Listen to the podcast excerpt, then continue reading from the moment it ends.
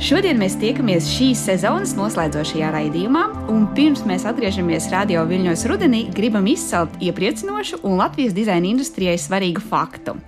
Latvijas radošo industriju komunikācijas platforma Folda šogad svin savu desmito dzimšanas dienu.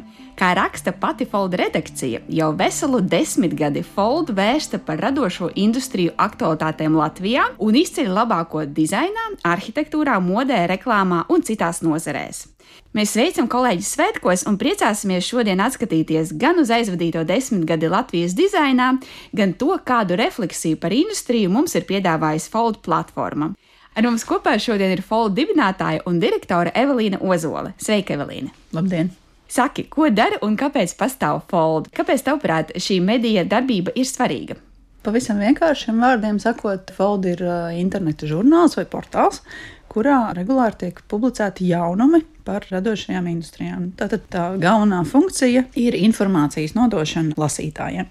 Mums vienmēr ir bijis svarīgi ne tikai nodot tālāk ziņas, dažādas jaunumus un aktualitātes, bet arī mazliet vairāk iedziļināties lai lasītāji vairāk varētu saprast un iemācīties par dažādām radošām disciplīnām, piemēram, dizainu, arhitektūru, modi, izdevējdarbību, ilustrāciju un citām.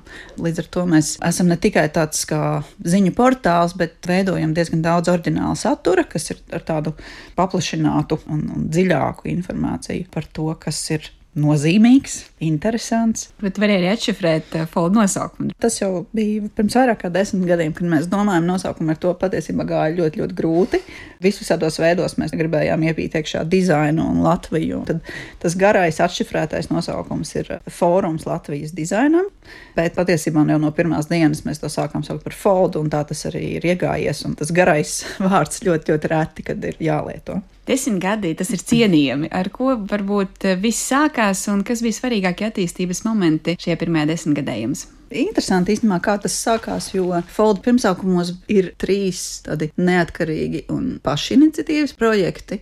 Un tolaik bija aktuāli rakstīt blogus, un vairāk tādi arī pastāvēja. Bija dizaina bloks, ko veidoja Sandijs Ruļuks, bija plikums, ko veidoja Miķels Baštiks ar kolēģiem, Man un Tomam Kokinam kopīgi bija tāds Fanja Urbanists blogs, kur mēs rakstījām varbūt ne tik daudz par dizainu, bet uh, pilsētvidi, dažreiz arhitektūru.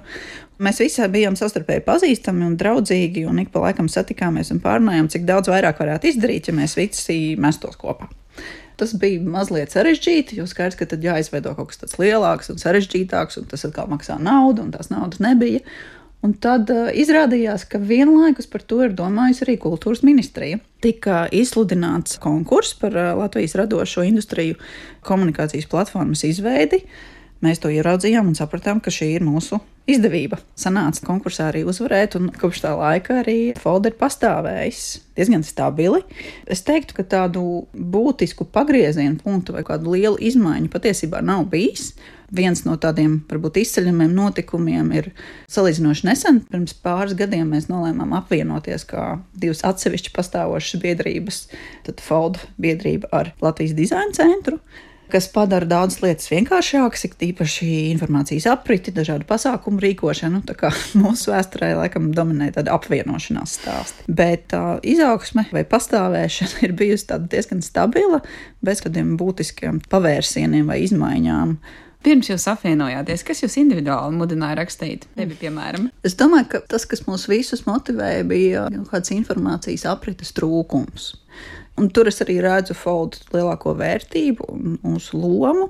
Ir tas, ka ir ne tikai tāda informācijas aprite, bet tas, ka tā ir specifiskas informācijas aprite tieši par radošām disciplīnām, par dažādiem darbiem, par aktualitātēm, kas interesē cilvēkus, kuri šajās nozarēs strādā vai vismaz interesējas par tām. Jo citādi, teiksim, lielajos mēdījos informāciju par savu profesiju atrast, nu, ir, protams, salīdzinoši grūtāk, jo tur ir virkne citu ziņu. Un tāds nozares mēdījis nodrošina ne tikai to informācijas apmaiņu, bet arī rada tādu sajūtu, ka tu neesi viens pats. Tu mm. redzi sev līdzīgo darbus un domas atspoguļotas publiski. Un man šķiet, ka tas ir ļoti būtiski. Nu, ikvienā nozarē ieraudzīt un sajust to, ka citi arī strādā, ka mēs kopīgi būvējam kaut ko lielāku, un citiem ir panākumi un arī neveiksmes reizēm. Un, No tā visa var kaut ko mācīties, var informāciju, noderīgām zināšanām apmainīties un varbūt kopīgi kaut ko izveidot no tā. Nu, es domāju, arī toreiz tas bija tas, kas mūs motivēja arī runāt par to, kas mums šķita interesanti un būtiski un atrast domu biedrus. Jo es domāju, ka kaut kādā mērā mēs arī katrs varbūt justāmies mazliet vieni, un tad ieraudzīt tos pārējos bija tāda gluži nu, tāda spēcīga nepieciešamība atrast tos citus, kurus arī tās lietas saist. Pasaule ir mainījusies. Attiecīgi, tu minēji, ka laikā, kad jūs sākāt, populāri bija blogi, Tad, protams, sociālajie tīkli, arī mūsu sociālo tīklu lietošanas paradumi ir mainījušies. Kā jums ir izdevies saglabāt foldu stabilitāti? Pārmaiņas noteikti, bet viņas arī nav varbūt tik ļoti straujas. Mēs redzam, protams, ka ir mainījušies paradumi. Kā cilvēki lasa, kuros brīžos, cik daudz, kā lieto sociālos tīklus, un uh, mēs mēģinām visu laiku tam sakot līdzi. Ir ļoti skaidri redzams tas, kad mēs sākām pirms desmit gadiem piemēram, Twitteris vēl radošajās nozarēs bija svarīgs un uh, aktuāls sociālais tīkls. Tad pagāja kādi gadi, varbūt pieci vai seši, un gandrīz neviens radošo nozaru uzņēmums tur vairs nebija atrodams, jo acīm redzot, tas nekalpoja tām vajadzībām, kāda šīm nozarēm bija. Šobrīd mēs redzam, ka aizvien vairāk dominē vizuāls saturs. Mēs arī mēģinam patiesībā saīsināt tekstus, likt vairāk bilžu, vairāk kustīgu bilžu, vairāk video, jo mainās cilvēku uztvere. Tas, ko mēs neesam neesam izdarījuši, nesam gājuši laikam līdzi tajā ziņā, ka, piemēram, mums nav TikTok konta. to mēs šobrīd vēl īsti nemākam, un neesmu droši, vai mēs to darīsim, bet mēģinam pielāgoties un sekot lietotājiem līdzi uz tām platformām, kuras viņiem ir aktuāls. Un tāpat laikā man šķiet, ka mēs kādreiz ar tevi runājām arī, piemēram, par uh, Hold mājaslapas dizainu, ka tas arī nav, es ceru, ka es nekļūdos, nav mainījies kopš pirmsākumiem, kas, manuprāt, ir uh, principā tāds gan unikāls piemērs tam, kā labs dizains var kalpot. Arī digitālajā vidē pietiekami ilgi, turpināt saglabāt savu aktualitāti, laikmetīgumu un lietojamību arī lūk tik ilgu laiku periodu. Jā, nu tur sveicienu droši vien skeptiķi, kas veidoja dizainu, un, un tas acīm redzot ir izdevies tīri labi. Tiesa gan otrā pusē esot, mēs redzam, ka ir kaut kādas lietas, kas varbūt nekalpo tik ērti, kā gribētos, un par tādiem maziem gabaliņiem ik pa brīdim mēs mēģinam kaut ko uzlabot, bet, nu jāsaka, tā nemainība diezgan lielā mērā saistīta arī ar pieejamo finansējumu. Kāpēc dizains?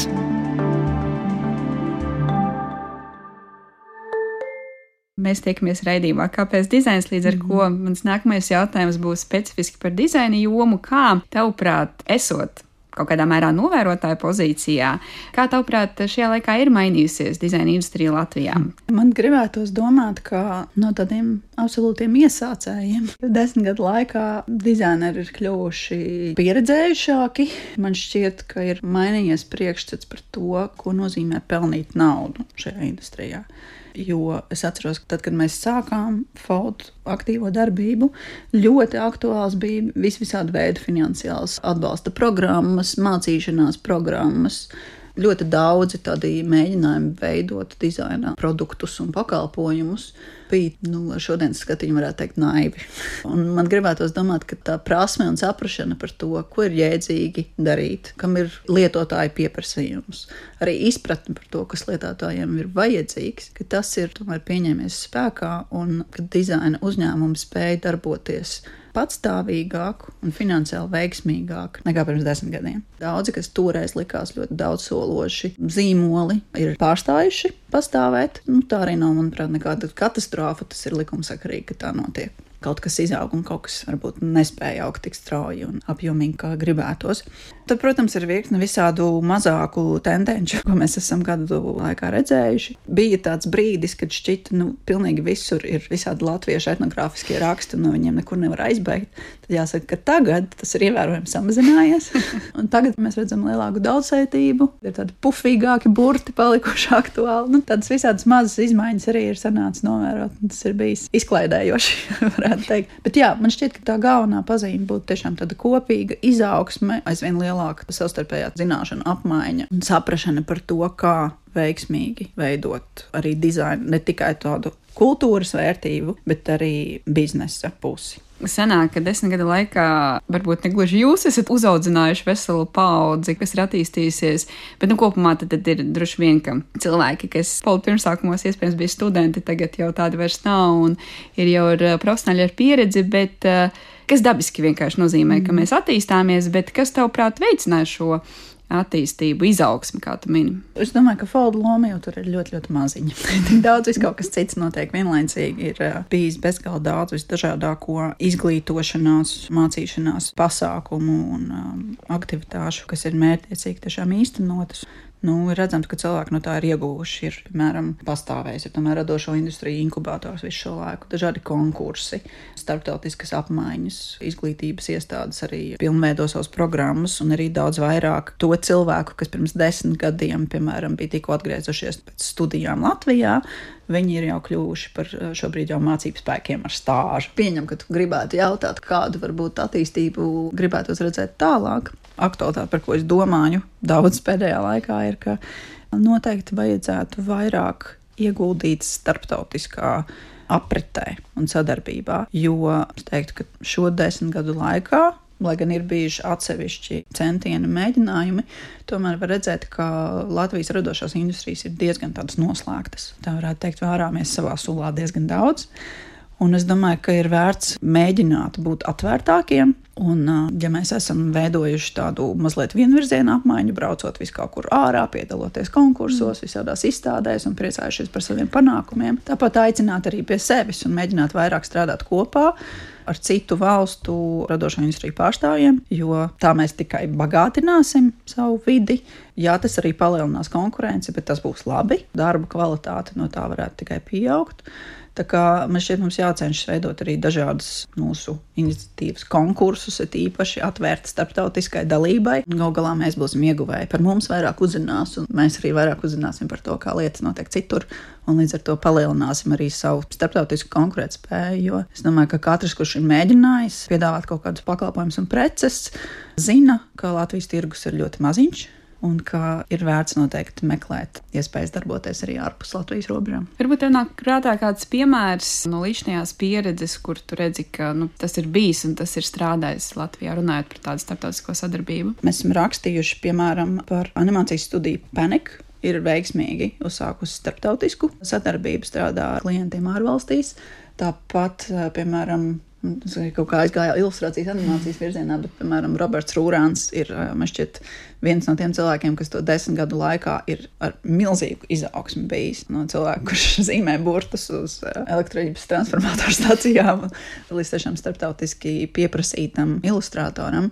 Tagad jāpadomā no otras puses, ko mēs aicinām pie sevis, Man šķiet, ka tāds nozīmīgs notikums, par ko sākumā Latvijas pusē nebija gluži sajūsma, bija arhitektūras metu konkurss laikmetīgās mākslas muzejam kur tika aicināti piedalīties ārvalstu arhitektu biroji un veidot sadarbības ar vietējiem. Jāatzīst, ka tas bija tiešām labi organizēts konkurss, un es domāju, ka visi, kas piedalījās, bija ieguvēji.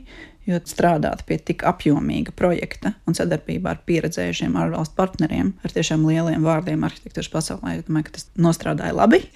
Un beigās visi bija priecīgi un kaut ko iemācījušies. Nu, tas, kas mūsu pusē paliek, vēl izdarāms, ir uzbūvēt to māju.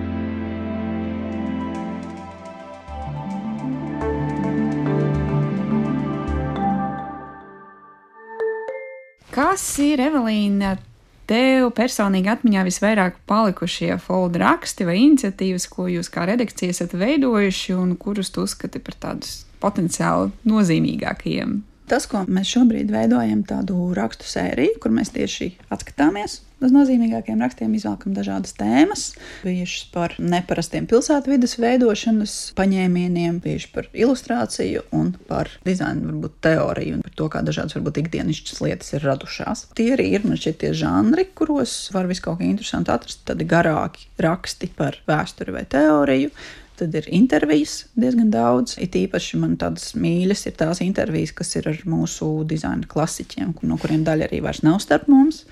Un tad ļoti lielu daļu Fauda satura vienmēr ir veidojuši tādas labo darbu publikācijas, Tātad kādi jauni produkti, pakalpojumi dažādos žanros, kādi darbi ir paveikti.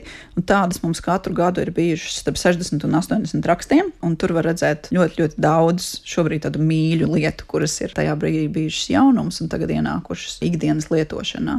Vai nu arī daļa varbūt ir jau palikusi kā aktualitāte tajā brīdī un tālāk nav vairs attīstījusies. Ir atsevišķi raksti, kas ir rosinājuši diskusijas par kādām tēmām, un tie ir tādi brīži, kad ir izdevies reaģēt uz kaut kādu aktualitāti, kas ir nu, bijusi lielākoties kaut kas tāds, kas cilvēkus stipri saviņo. Ir notikusi kaut kāda netaisnība, vai kāda tēma ir tiešām ļoti plaši apspriesta. Kā vai, piemēram, vai tā koncerta zāle jābūvē vai nav jābūvē, kas notiek ar atbalstiem pandēmijas laikā, par dažādiem logotipiem. Savulaik bija ļoti lieli strīdi, un nu, jā, man šķiet, ka tas gan nav laikam mazinājies par dažādām vizuālām identitātēm. Cilvēki ir varējuši diskutēt ļoti, ļoti daudz, vai tā ir laba vai nav laba, un cik ir izmaksājusi, vai tas vispār bija vajadzīgs. Jā, un tad tajos brīžos mēs esam bijuši mazliet tāds vidutājs, nepieslēnoties nevienam viedoklim, bet apskatot visas puses, parādot to, ka nu, jā, nu, katram skatījumam varbūt ir kaut kāda daļa taisnības, un katrs varbūt arī kaut kur kļūdās. Paturpinot Evelīnu domu par vidutāju, par diskusiju kopumā kā tādu, vai tavuprāt diskusija par radošajām industrijām un specifiski par dizainu Latvijā ir pietiekami aktīva? Kas mums izdodas labi un kur mums, tavuprāt, vēl ir jātīstās?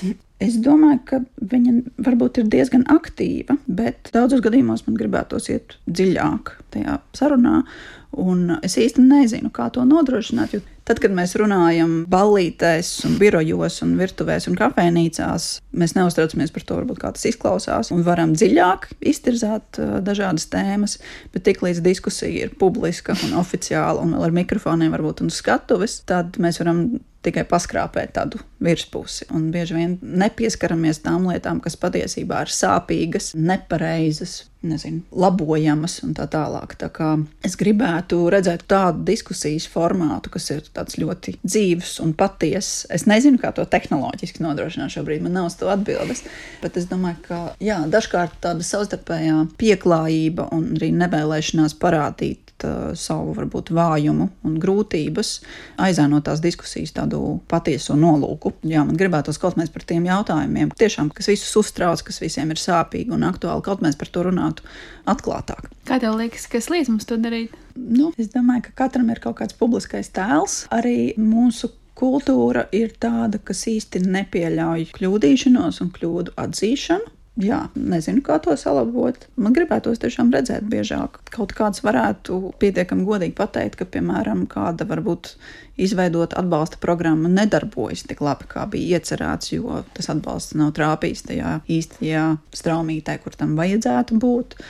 Viena no tādām tendencēm, ko es redzu, ir dažkārt būt pārmērīgi kritiskiem, un citos gadījumos mēs par to kritiku vispār aizmirstam. It īpaši, ja kaut kas ir guvis kādus starptautiskus panākumus vai balvu, tad mēs visi automātiski esam par to sajūsmā. Bet mēs piemirstam par to, ka tā balva jau ir tikai kāds konkrēts žūrijas vērtējums kaut kādā noteiktā situācijā. Mēs varam arī atļauties kritizēt to, nu, kas tiek uzskatīts par bezgala labu. Bet publiski, jā, mums no tā varbūt ir drusciņi bail. Nu, jā, man šķiet, ka tas ir pilnīgi normāli.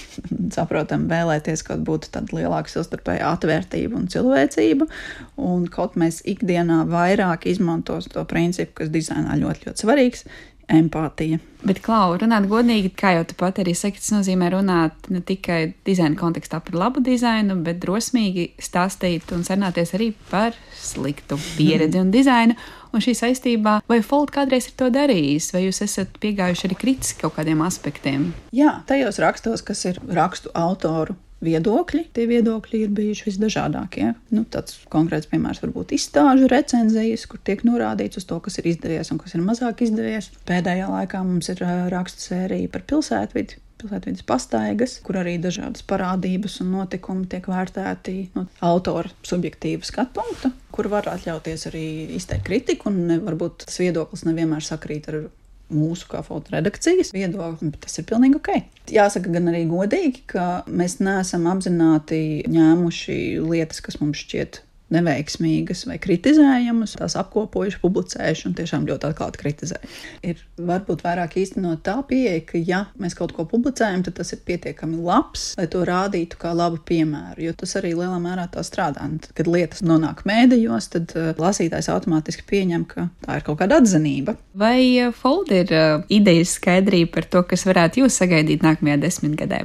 Nē, skaidrības mums nav nekad. Un šī ir problēma, kas mūs vieno ar daudziem tādiem nišas mēdījiem Latvijā un dažādām kultūras iniciatīvām.